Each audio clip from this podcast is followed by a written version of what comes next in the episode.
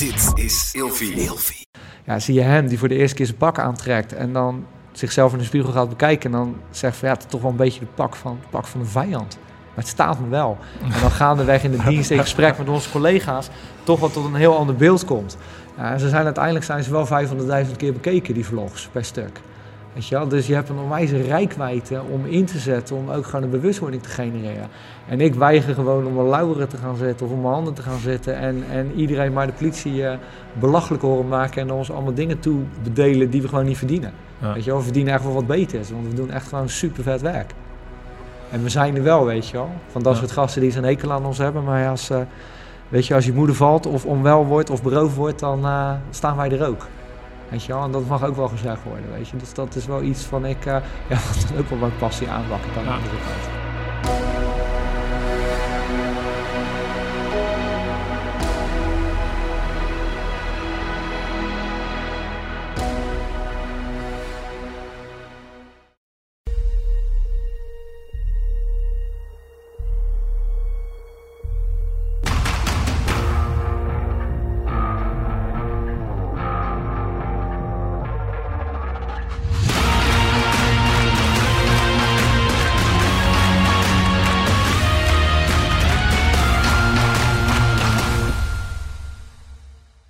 Vandaag eh, voor het eerst eh, live scherpschutters vanaf het eh, innovatiefestival Crossing Borders in Utrecht in een fabriek. Hoe voelt dat hier voor jou, Marco? Ja, best wel apart.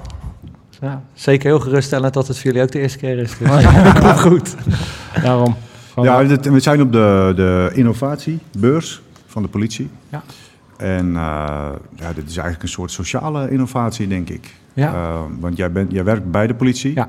En vanuit die hoedanigheid uh, onder andere het initiatief genomen van Heilige Boontjes. Ja, ja, ja, sociaal ondernemer geworden tegen wil en dank, zeggen we altijd. Uh, ik heb samen Heilige Boontjes opgezet met, uh, met Rodney van den Hengel.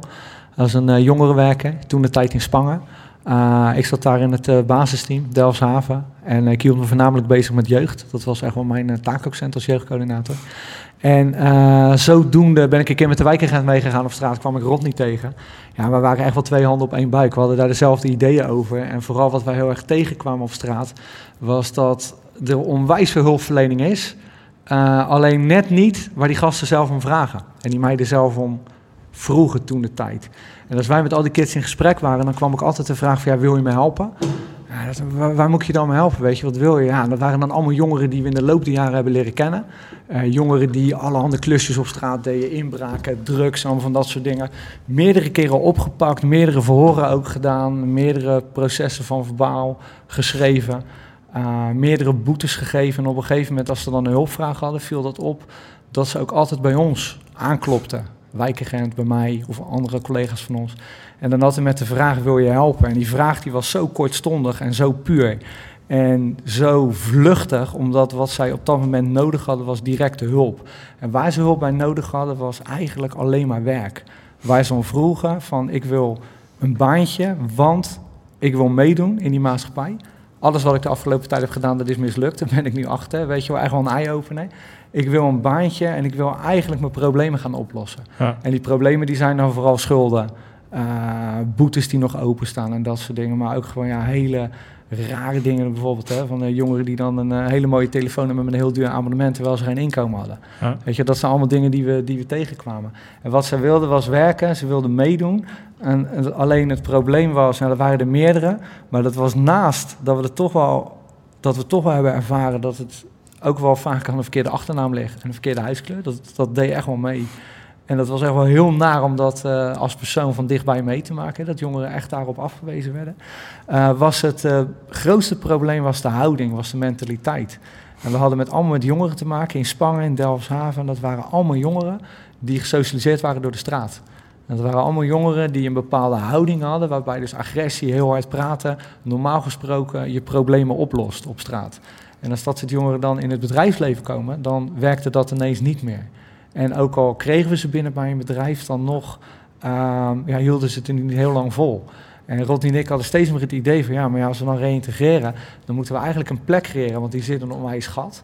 En er moet een, een plek komen waar wij kunnen leren, maar dat soort jongeren ook kunnen leren en ervaren wat het is om te werken.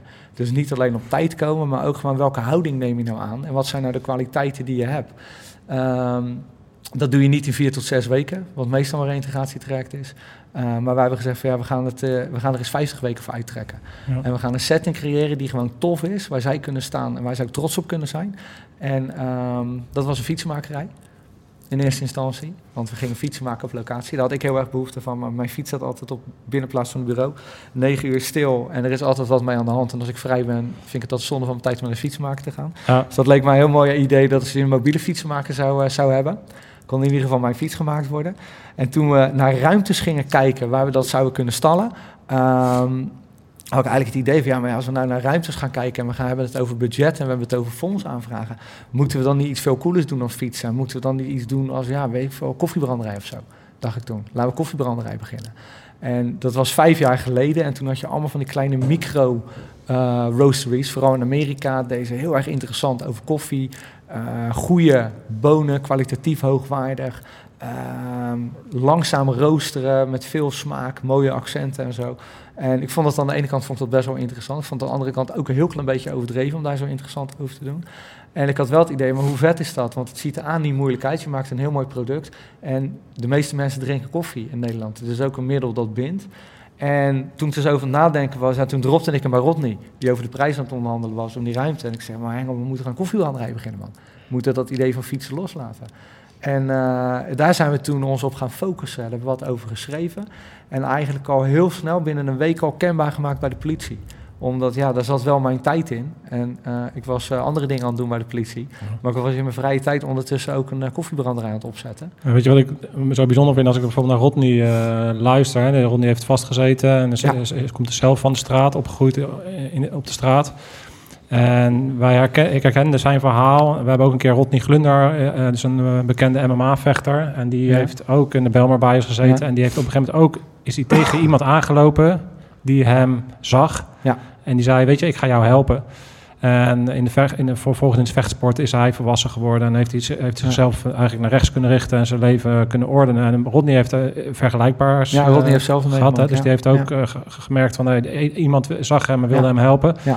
En samen met wat andere omstandigheden in zijn leven heeft hij toen dat kunnen omdraaien. Ja. Um, wat ik maar daarmee wil zeggen is dat het heel bijzonder is, omdat jullie eigenlijk nu de, de plek innemen van diegene die zegt: Oké, okay, uh, ik snap dat het lastig is op straat, maar uh, ja. ja. wij gaan je helpen. Ja.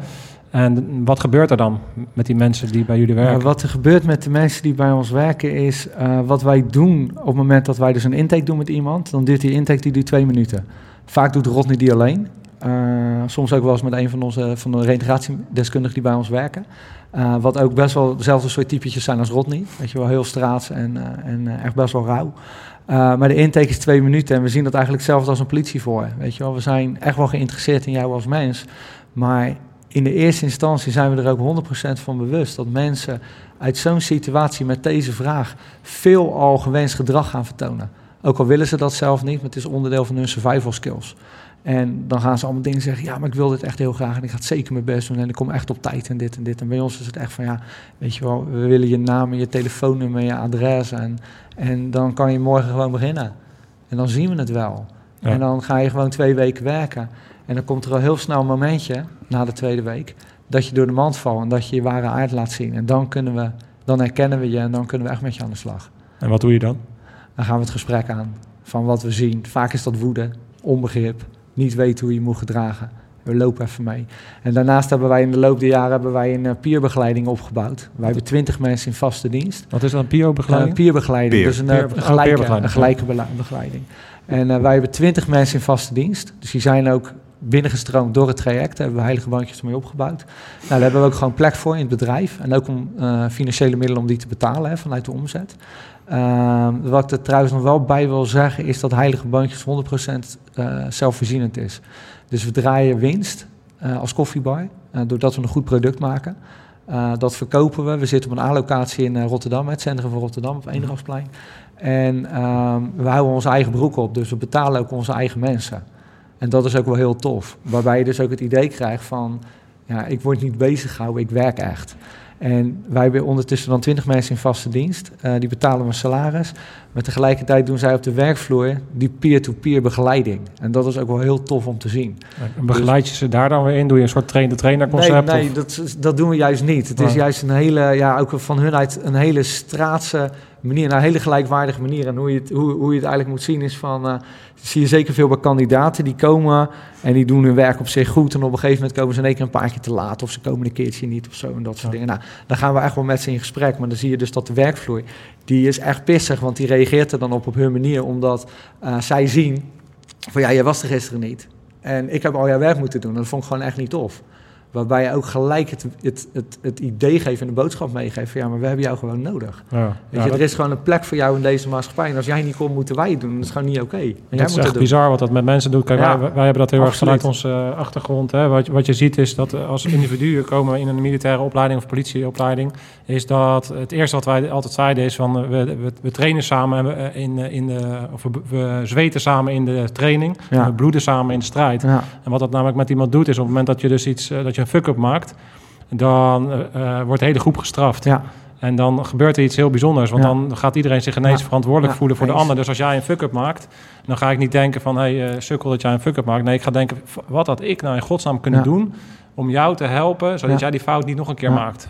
En dat is een hele andere mindset. Ja, dat is heel tof. Ja. maar ik ben benieuwd naar Ben. Je, je, hè, dat zijn dus jongens van de straat, die zijn daar opgevoed. En, meisjes. en, sorry, ja. meestal is het gewoon... ik ben genderneutraal. Ja.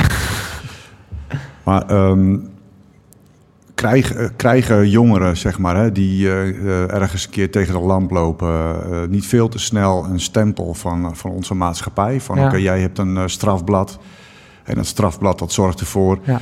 dat je uiteindelijk, weet je wel, je kunt niet meer bij de politie, niet meer bij de brandweer, niet meer bij de ambulance, je kunt in de defensie. Dat, daar word je dan in feite al van uitgesloten. Terwijl als je kijk naar het traject wat je nu aan het volgen bent. Dat zijn dus mensen die hebben echt uh, eigenlijk de onderkant van de maatschappij gezien.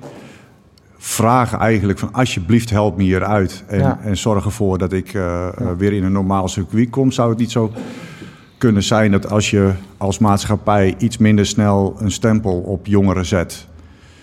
dat dat uh, veel meer vanzelf zou kunnen gaan? Ja, ik denk het wel we staan in Nederland bekend om onze lichte straffen. Uh, ik heb dat zelf ervaren als een fabeltje, omdat ik onze straffen juist heel zwaar vind, omdat ze heel lang duren. En als je dus bijvoorbeeld kijkt van er is een straf en iemand gaat zitten, die gaat niet lang achter een dikke deur. Maar er zit bijvoorbeeld een heel traject van reïntegratie, van jeugdbescherming, zit eraan vast.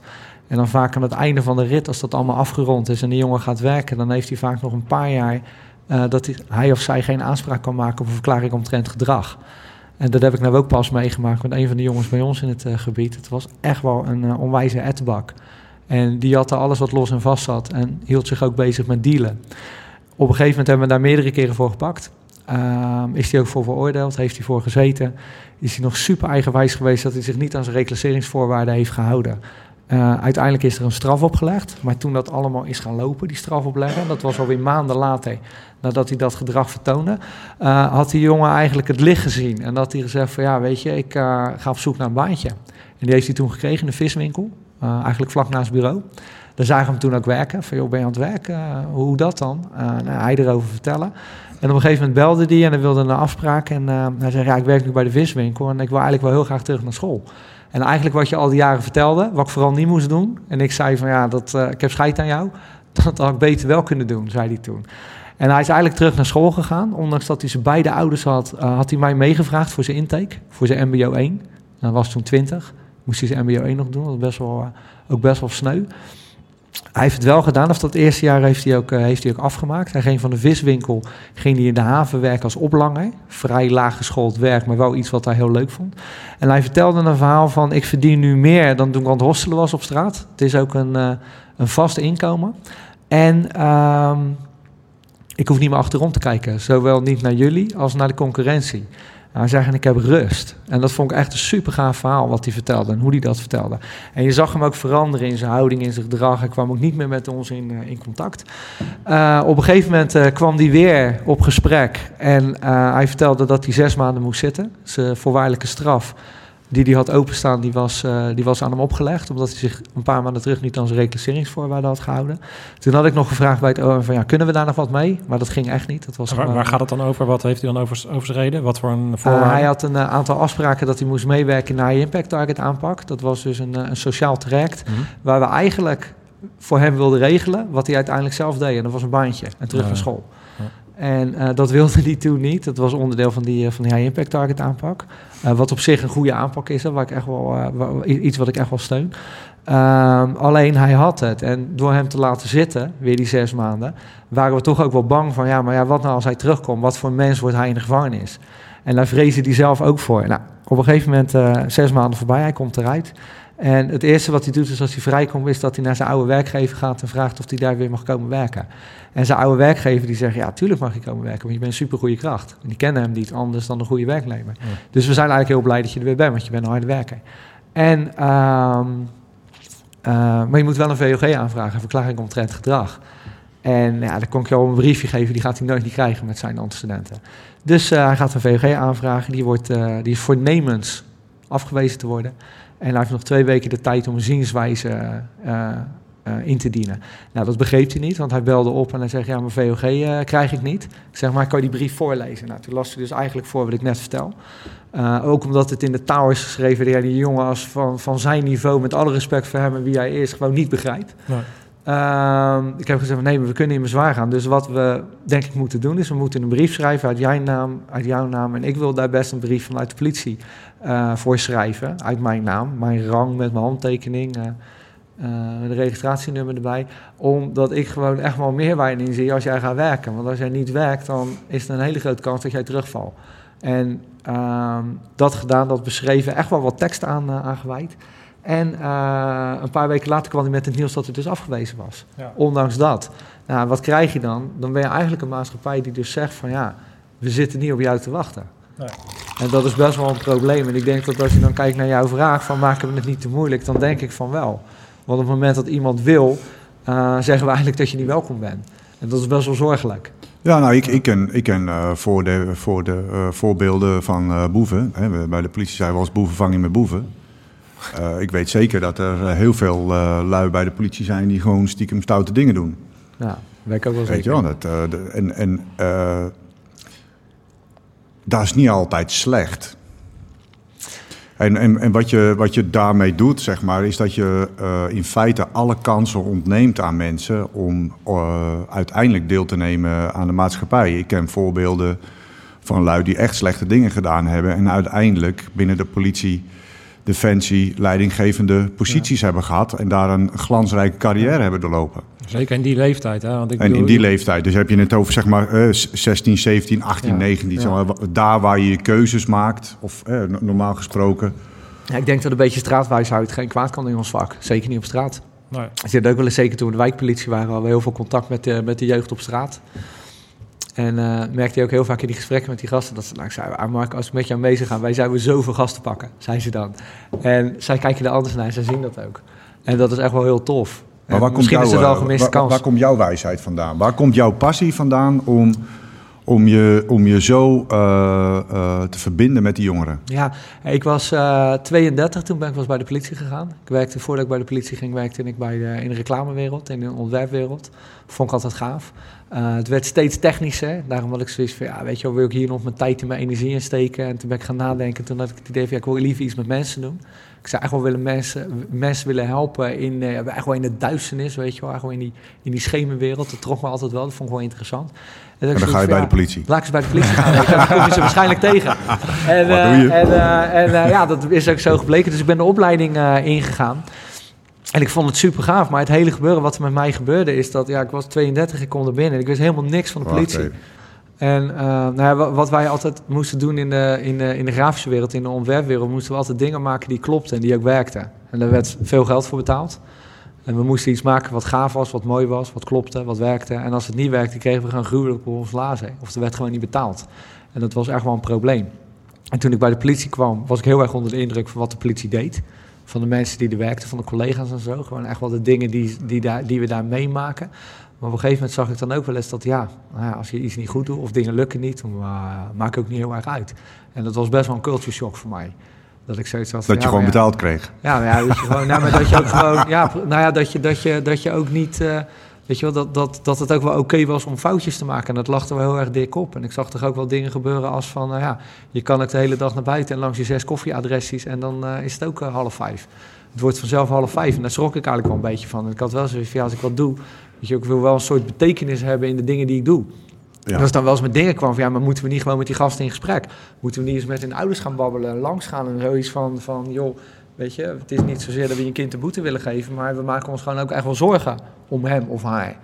Nee, maar dat, uh, nee jongeman, dat moet je niet doen, het interesseert die ouders toch niet. En weet je, dat soort opmerkingen kreeg ik dan terug. En dat, ja, dat geloofde ik gewoon niet. Ik geloofde gewoon niet zo dat de wereld zo in elkaar zat. En ik denk zeker omdat ik wat ouder was, dat ik ook wel de, ja, de luxe had om me daar dan tegen te verzetten. Van ja, maar ja, zo denk ik er gewoon niet over. Ik was ondertussen ook al ouder, ik had toen twee kinderen. En dat ik echt wel zoiets had van ja, maar ik ben toch echt wel een soort uh, hier gekomen om de wereld net even iets beter te maken dan dat ik uh, haar aantrof. Dus ik wil er echt wel voor gaan. En dat is eigenlijk een, en toen is er eigenlijk een passie in me aangewakkerd die, die nooit meer gedoofd is.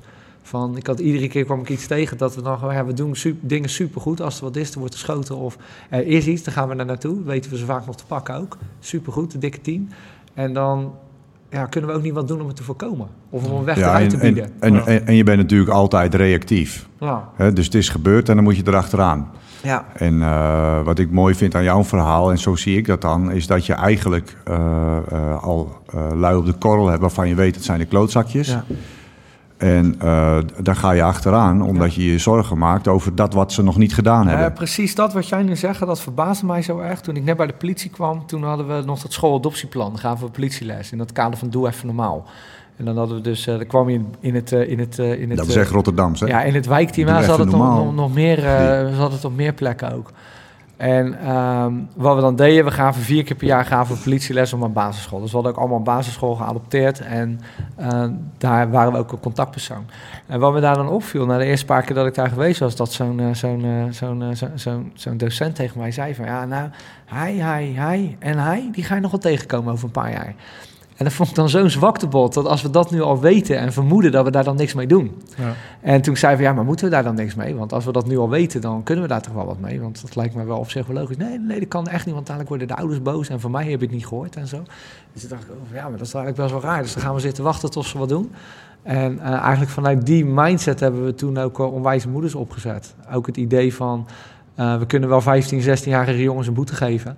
Uh, A, wat voor verhaal gaan zij thuis vertellen? Waarschijnlijk uh, de politie haat mij en uh, ik had niks gedaan, maar kreeg toch een boete. Die boete wordt betaald door de ouders en wat hebben we dan uiteindelijk bereikt? Of is het niet logischer om een samenwerking aan te gaan met de ouders vanuit zorg en toekomstperspectief? En te zeggen van ja, we zien je kind hier staan en we zeggen zeker niet dat hij een crimineel is, maar hij staat wel tussen gasten die wel degelijk crimineel zijn en dat baart ons zorgen. Dus wat kunnen we afspreken met elkaar? Ja, dat werkte best wel.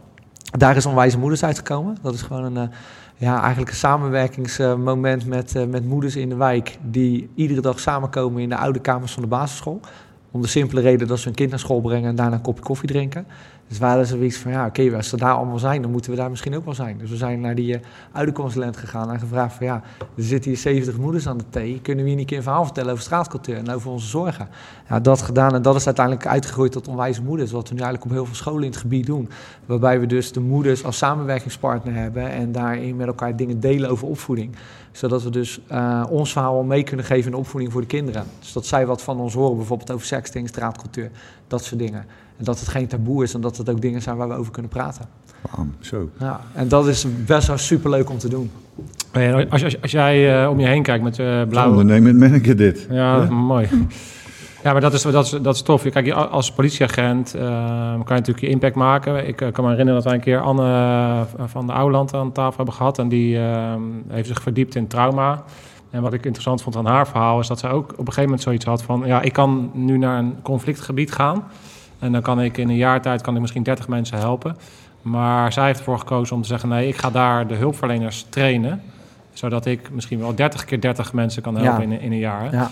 En um, dat zie ik bij jou ook een beetje. Van, ja, je, ja. je hebt natuurlijk je tijd, uh, je drive naar de politie gegaan, volgens daar je werk gaan doen. Maar ik denk dat jij nu op een pad zit Waarop jij ook, je ook wel realiseert van door je vleugels uit te slaan en de dingen te gebruiken die ik zie en, en daar iets mee te doen en dat handen en voeten te geven en dat daadwerkelijk ook dus dat ondernemerschap ja. uh, uh, te tonen, um, ga ik veel meer bereiken.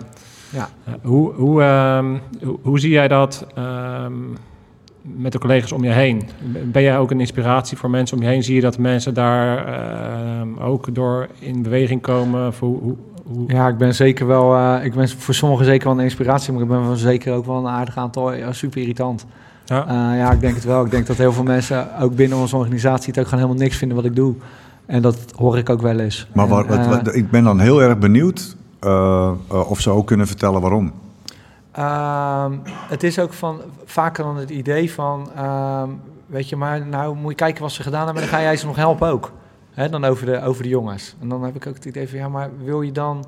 Denk je nou echt dat, dat het stopt op het moment dat je ze aanhoudt? Dat ze het dan niet meer gaan doen of zo? Weet je, je hebt hier te maken met een, met, een, met, een, met een perceptie dat dit soort jongeren denken dat er geen plek voor in de maatschappij is.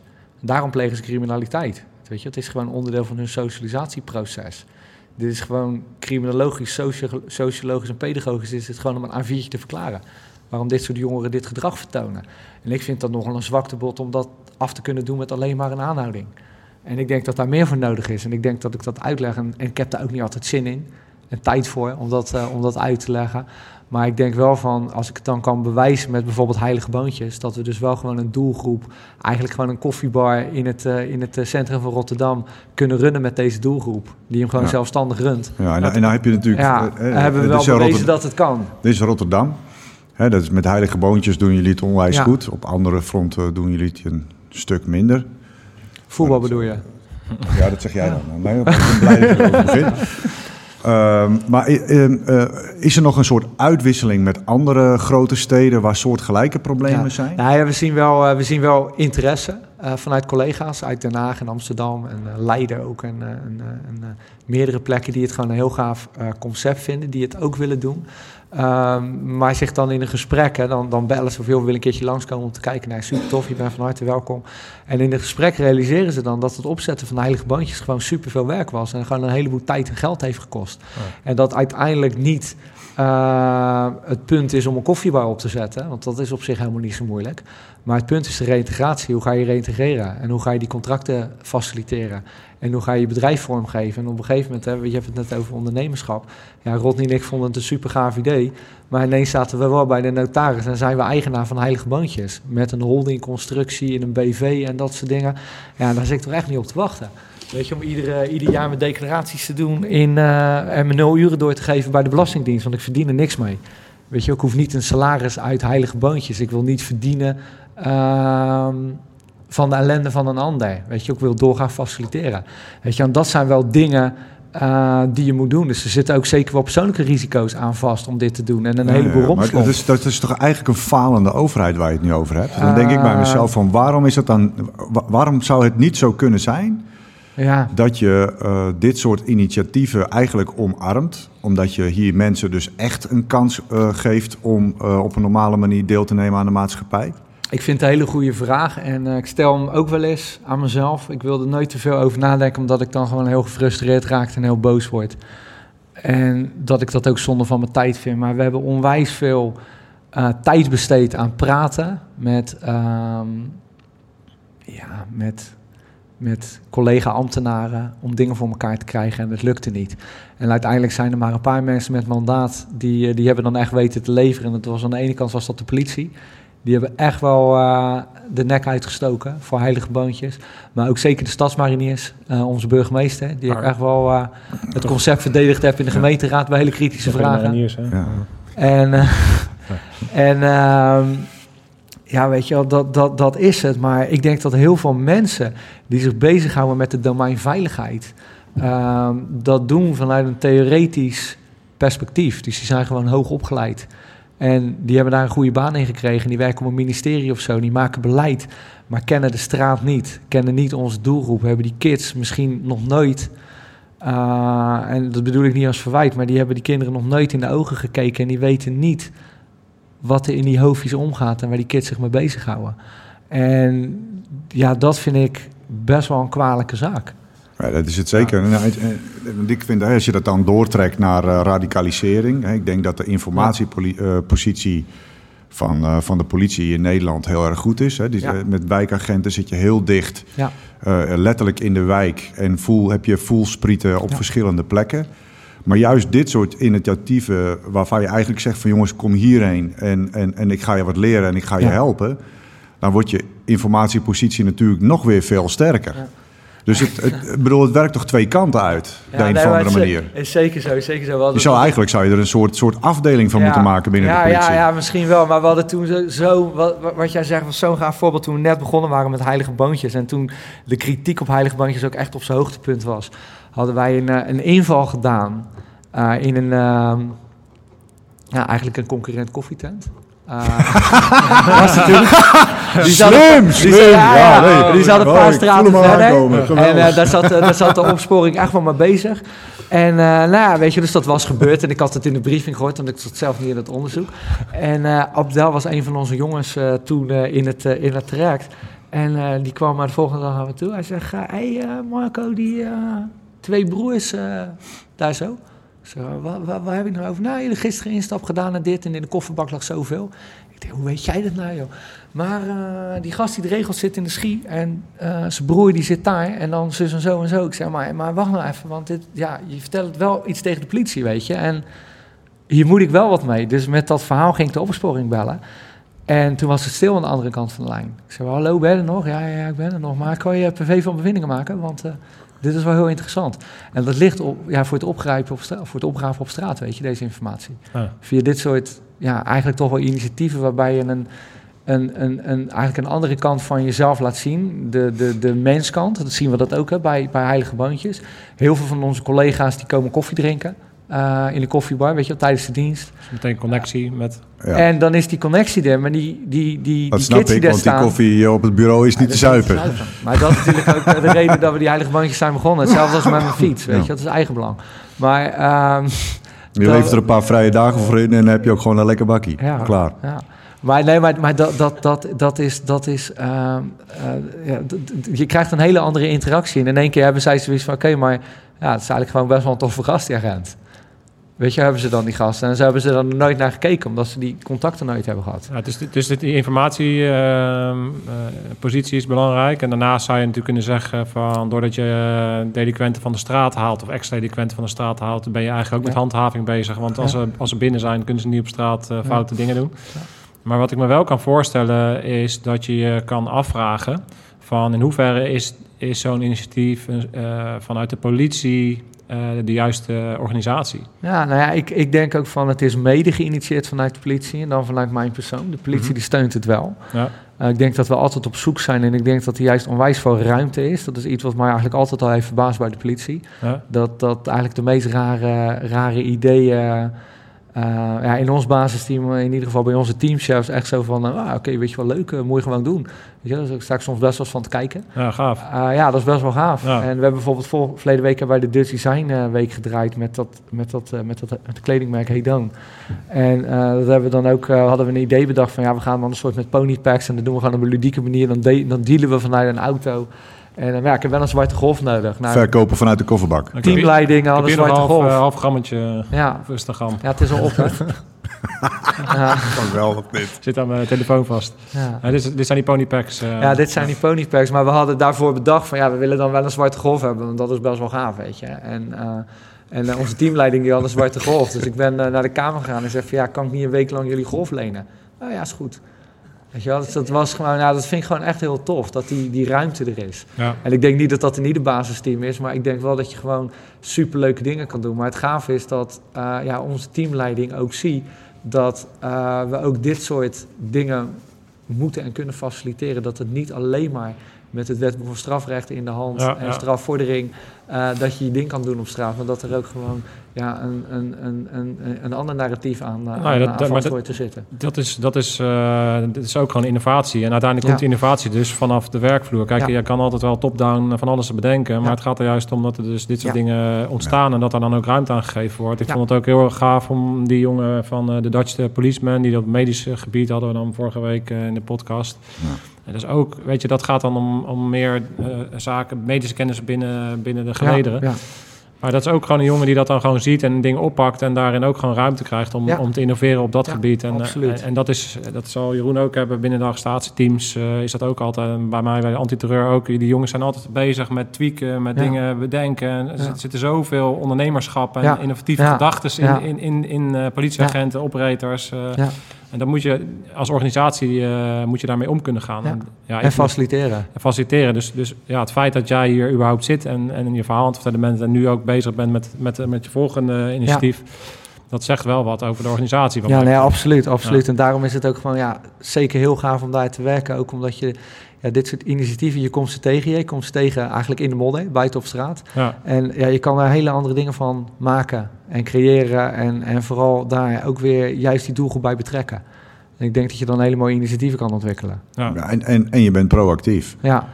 En ik denk dat dat het belangrijkste is. Weet je, als je met het wetboek van strafrecht uh, in je auto uh, rondrijdt, ben je altijd aan het reageren. Ja, en ook gewoon het begrip over de politie. Wij hebben op een gegeven moment van... Uh, ik, zit dan ook wel vloggers te bekijken en, en weet je, op YouTube.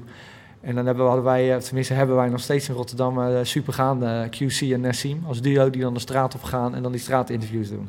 Ja, super grappig. Zij doen dan op een super ja, leuke manier met heel veel humor, weten ze dat te doen. En op een gegeven moment uh, zag ik een uh, rapvideo voorbij komen over uh, Van Nessim, een van het van Duo. Die dus gewoon heel erg anti-politie was. En die dus ging van, ja, kan hoe kan je jezelf aankijken in de spiegel? Dan richting de politie. En ik had zoiets van, ja, oké, weet je, of ik eigenlijk best wel misplaatst voor de positieve gast die je bent. En ik heb contact met hem gezocht. En hij gezegd van, ja, weet je wel, van, als jij de politie zo kut vindt en zoveel verwijt, weet je wel, moet je dan niet gewoon eens komen kijken en en een, en een vlog maken over ons? Desnoods doen mijn pak aan, dan gaan ze een keer de straat op met onze collega's. En dat vond hij eigenlijk wel gaaf, dus dat hebben we georchestreerd. En in totaal hebben we samen zeven vlogs gemaakt. We hebben er later nog twee gemaakt, over dat hij dus gewoon naar buiten gaat en ervaart wat het is om een politieagent te zijn. Dus met collega's mee en dat soort dingen. En dan geeft hij dus gewoon ja, een super gaaf beeld van. En dan zie je dus echt zo'n, ja, zie je hem die voor de eerste keer zijn pak aantrekt en dan zichzelf in de spiegel gaat bekijken en dan zegt van ja, het is toch wel een beetje de pak van, de pak van een vijand. Maar het staat me wel. En dan gaandeweg in de dienst in gesprek met onze collega's toch wat tot een heel ander beeld komt. en ze zijn uiteindelijk zijn ze wel 500.000 keer bekeken, die vlogs, per stuk. Weet je wel? Dus je hebt een onwijze rijkwijde om in te zetten, om ook gewoon een bewustwording te genereren. En ik weiger gewoon om een lauweren te gaan zetten of om mijn handen te gaan zetten en, en iedereen maar de politie uh, belachelijk horen maken en ons allemaal dingen toe bedelen die we gewoon niet verdienen. Weet je wel? We verdienen echt wel wat beters, want we doen echt gewoon super vet werk. En we zijn er wel, weet je wel. Van dat soort gasten die zo'n hekel aan ons hebben. Maar als, uh, weet je, als je moeder valt of onwel wordt of beroofd wordt, dan uh, staan wij er ook. Weet je wel, en dat mag ook wel gezegd worden, weet je. Dus dat is wel iets van ik, uh, ja, wat dan ook wel mijn passie aanwakkert aan de andere kant. Nou, je moet natuurlijk, je moet knokken tegen imperiums zoals Dumpert en, die, mm. en allerlei van dat soort dingen die natuurlijk continu die, die negatieve beeldvorming in stand houden. Ja, dus, dus ja, ik denk dat het een goed initiatief is om te kijken van ja, hoe kunnen wij dan eigenlijk uh, ook op dat gebied. Uh, ja. als je het hebt, uh, kijk, als wij in Afghanistan zitten, dan gaan we, gebruiken we ook information en psychologische oorlogsvoering om de strijd te beïnvloeden. Waarom zou je dat in Nederland niet ook zo kunnen doen? Ja. Want in principe is het gewoon een strijd.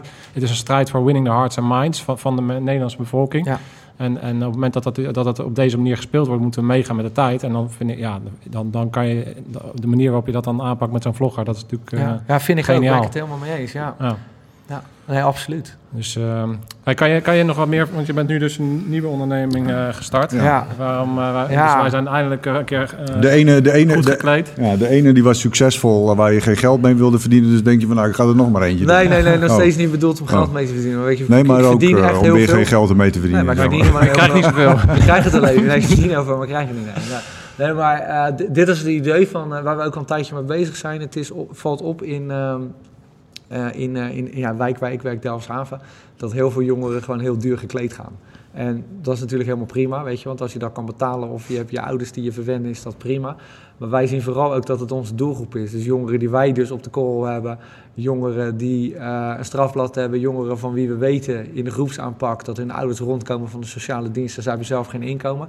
En ze lopen wel in een outfit van uh, 1700 tot 2000 euro uh, per dag, weet je. Dat valt best wel op en lijken ook verder geen werk te hebben. Dus dat vond ik best wel interessant. Tegelijkertijd uh, om erbij te horen wordt die druk steeds hoger en hoger en hoger. Was het voorheen alleen een uh, set uh, Nike's en een 501 uh, die, je moest, die je moest hebben. En nu hoort daar dus ook een uh, Philip shirtje bij van 500 euro. En een Canada Goose van 1000 euro. De jeans van 300 euro of zo. En weet je wel, de juiste Balenciaga's van, van 600 euro, weet je. Dus het is best wel, ja, het wordt best wel moeilijk als je erbij wil horen nog, weet je, op die manier. Ja. En dat viel op. En we nemen het ook best wel veel in beslag hè, als uh, onverklaarbaar vermogen, dat soort kleding.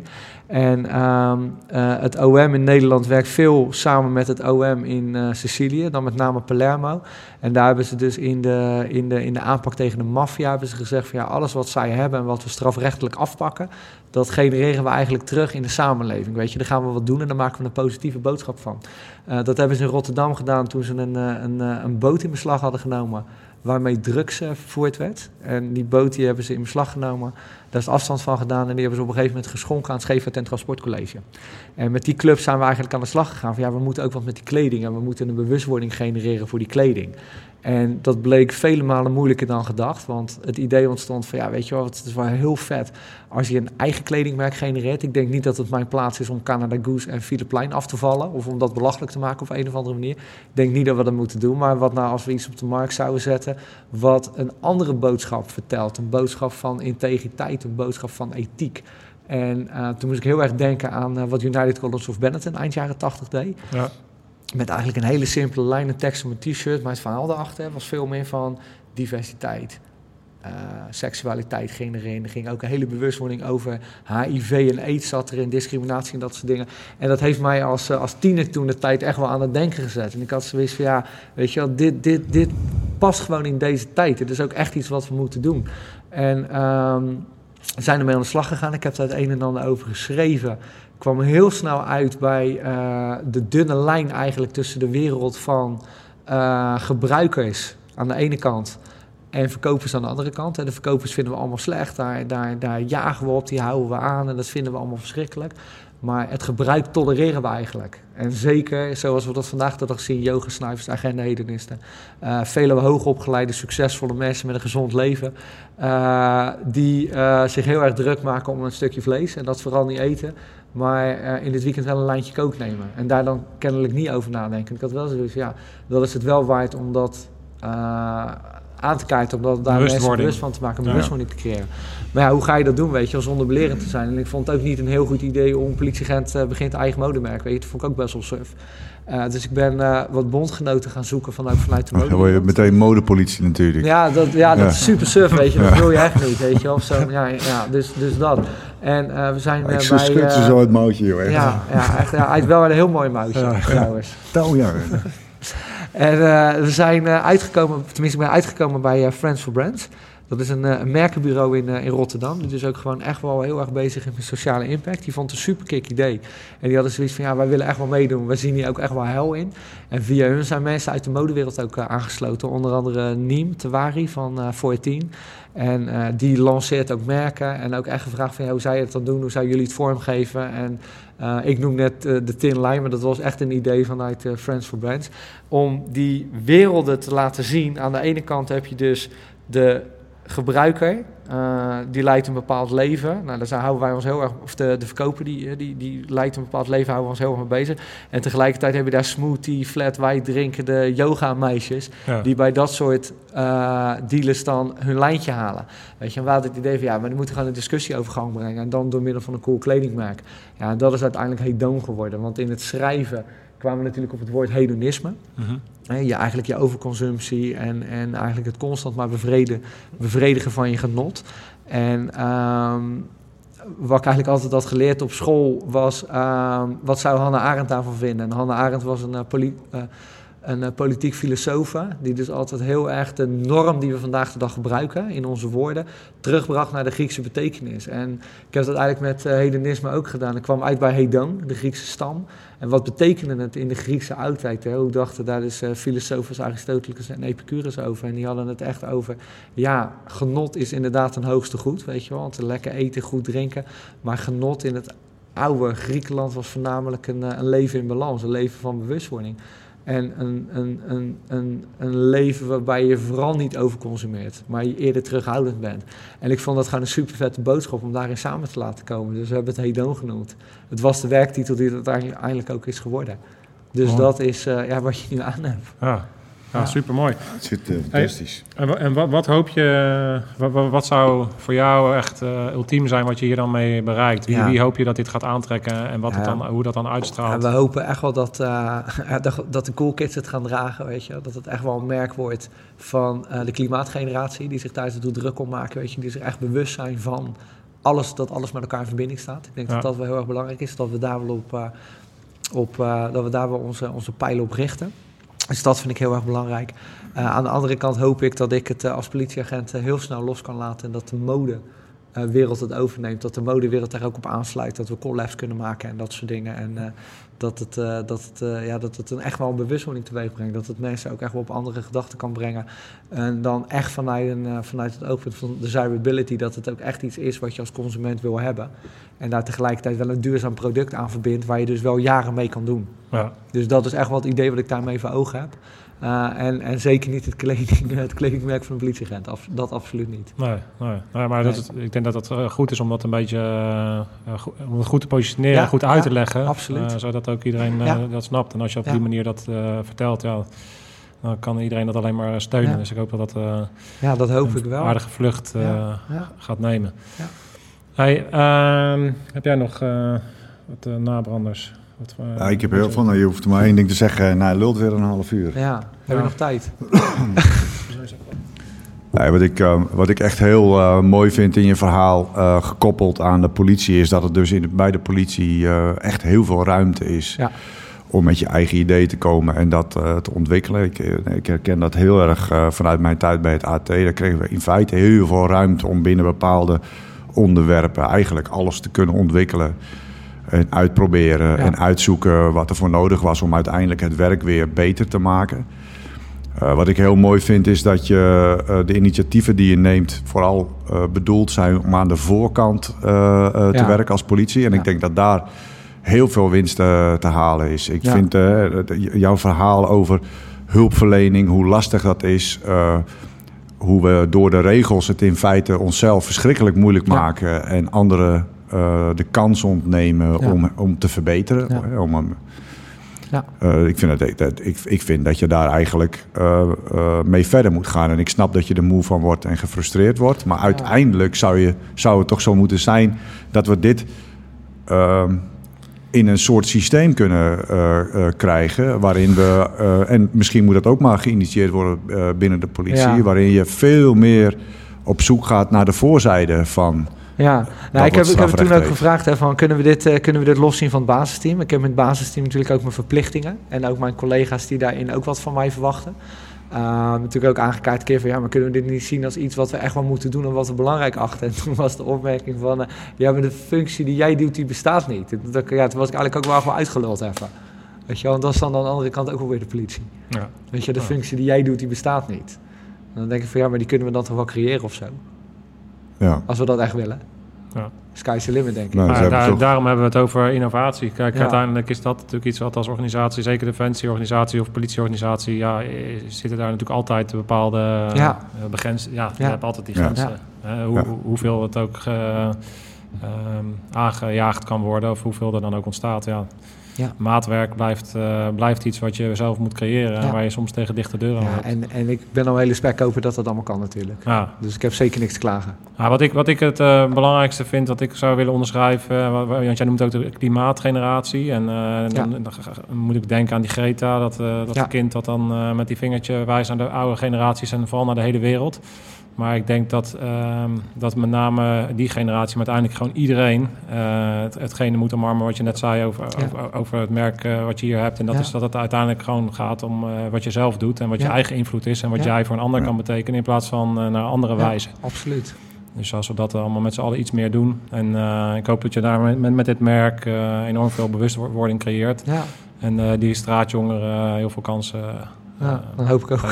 Ja, dus, uh, super, dankjewel voor al, Je, al je mooie werk. Ja, ja zijn er nog uh, vragen vanuit, uh, vanuit ons publiek die we niet kunnen laten zien, maar er wel is. Die zijn bescheiden mensen.